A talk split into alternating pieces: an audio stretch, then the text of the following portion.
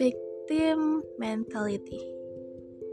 Hal-hal buruk mungkin terjadi pada kamu atau orang-orang yang kamu kenal setiap harinya.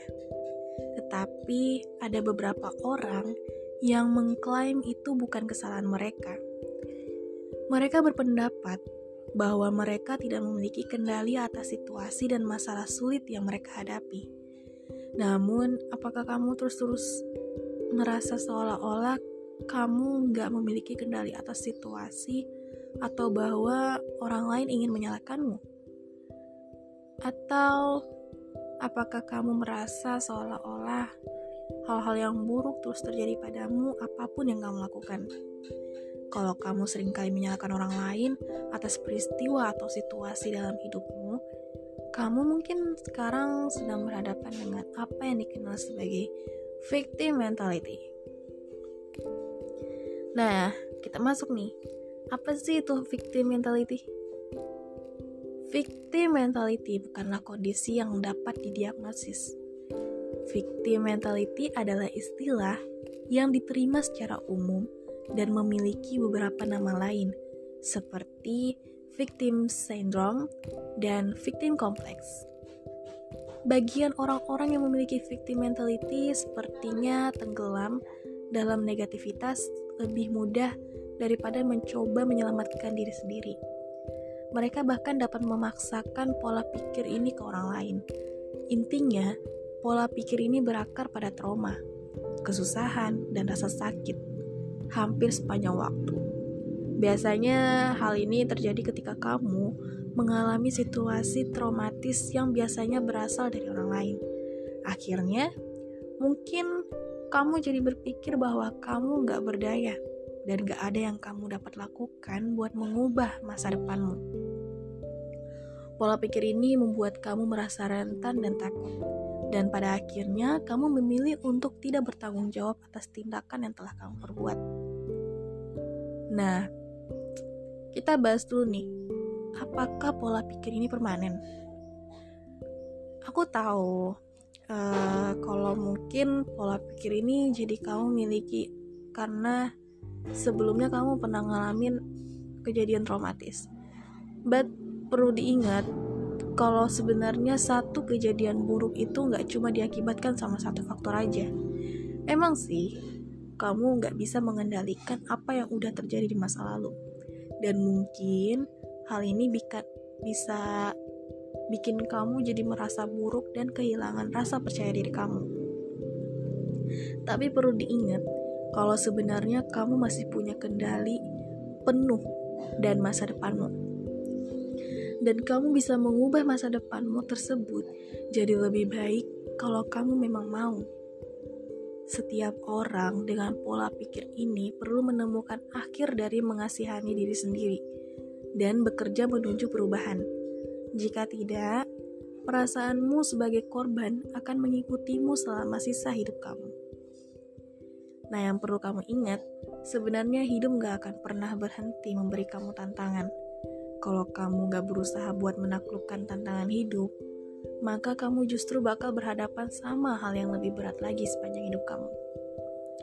Oke, okay, kita lanjut ke victim mentality. Apa sih ciri-ciri dari victim mentality? Yang pertama, membuat semua masalah untuk diri kamu sendiri.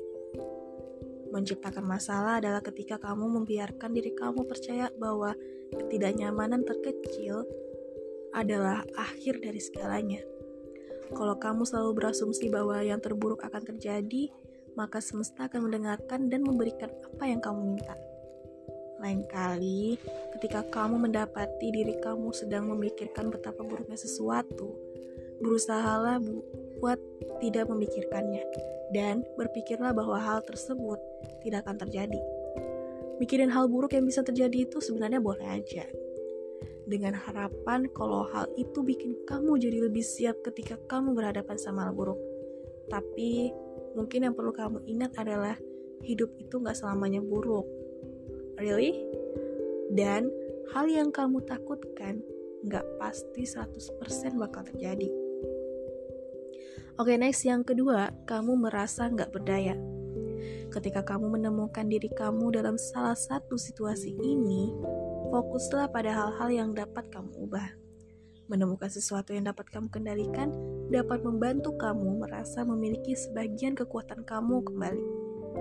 Dan itu adalah suatu langkah yang besar. Cara lain untuk membebaskan diri dari perasaan gak berdaya adalah dengan berlatih mengatakan tidak.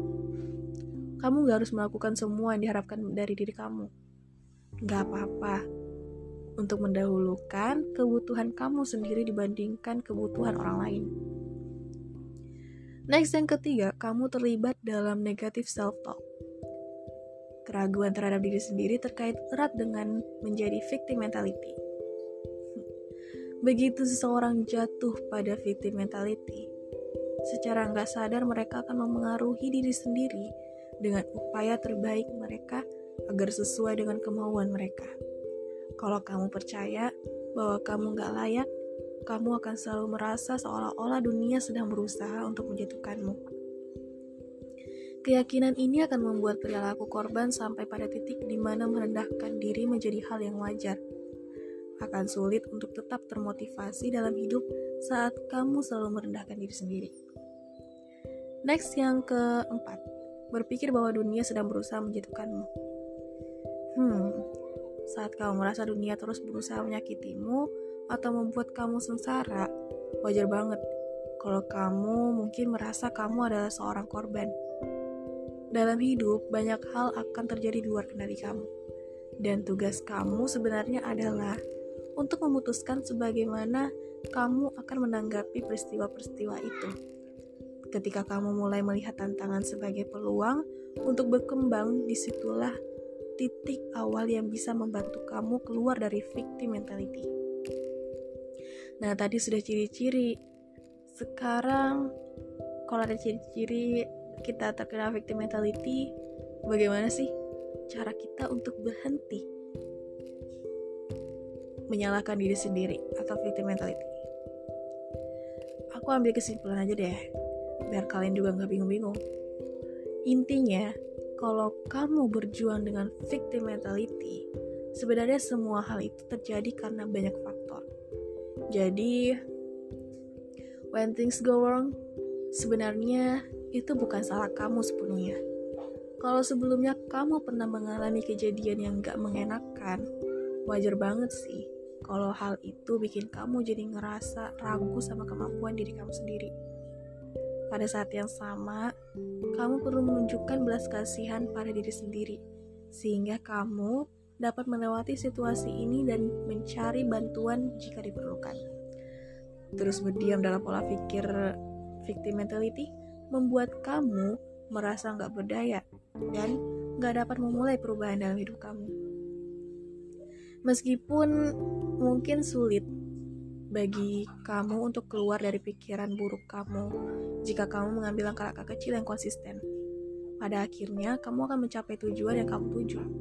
Dan akan lebih mudah bagi orang lain untuk mendukung kamu sepanjang jalan ketika kamu terbuka untuk menerima saran dari orang lain. Nah, itu aja sih guys. Hmm, Kira-kira kamu termasuk orang yang victim, victim mentality nggak? Kalau iya, simak ulang ya podcast dari aku. Oke. Okay.